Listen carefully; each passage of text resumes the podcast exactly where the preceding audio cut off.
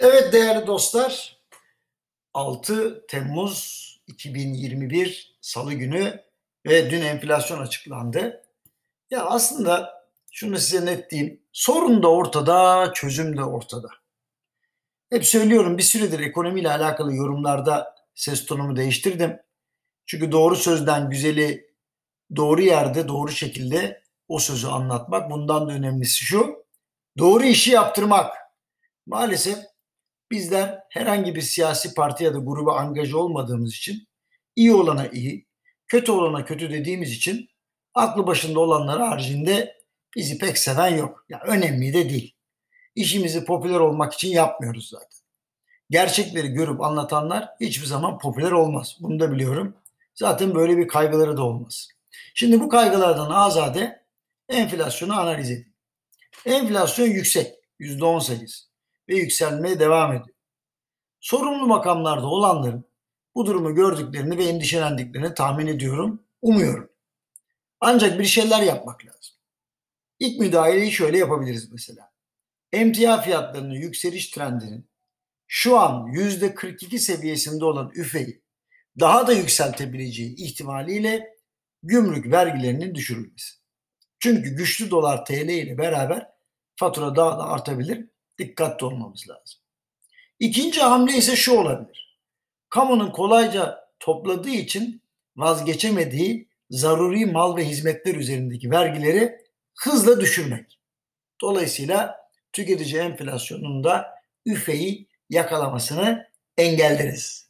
Sonra da belki açıklanan kamuda tasarruf tedbirlerini istisnasız hale getirip yaygınlaştırmakta güzel bir öneri olarak değerlendirilebilir. Peki bunun önünde engel ne?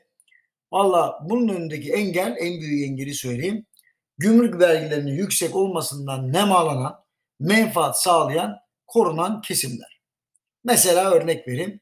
Makine parçası üretenler ham madde, aramalı ve yatırım malı ithalatında daha düşük gümrük vergisi isterken tekstil ham maddeleri sektörü mesela ayağa kalkıp itiraz ediyor.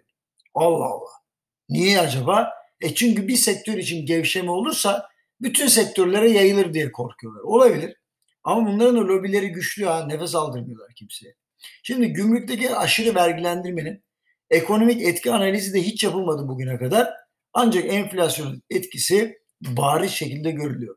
Mutlaka seçici bir vergi uygulaması gerekiyor. İkinci engel şu. Kamu harcamalarına gelir yaratma telaşı.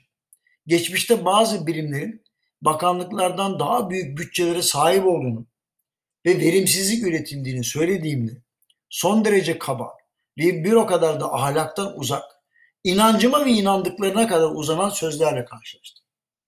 Doğru olanı söylemenin cesaretle alakası olmadığını ve kişinin vicdanına bağlı olduğunu düşündüğüm için bu seviyesizliklere hiç cevap vermedim. Söylediklerim çıktığında da ben demiştim demedim. Yine bu yazıda olduğu gibi çare ürettim, öneriler sıraladım. Ha bir hatalı hamle için uyarayım. Tüketicilerin alım imkanlarını daraltmak ancak talep enflasyonu varsa uygulanması daha doğru. Ancak hastanın ateşini düşürmek için gırtlağını sıkmak doğru bir tedavi yöntemi değil. Maliyet enflasyonuna odaklanmalı ve kendi pozisyonunu korumak için enflasyonu körükleyen çıkar gruplarını siyasi güçle masaya oturtup ikna etmek gerekiyor. İkna olmazlarsa da doğru olan ne varsa onu yapılması gerekiyor. Söylediğim gibi doğru sözden güzeli doğru işi yapmak, yaptırmaktır. Efendim yarın görüşmek üzere.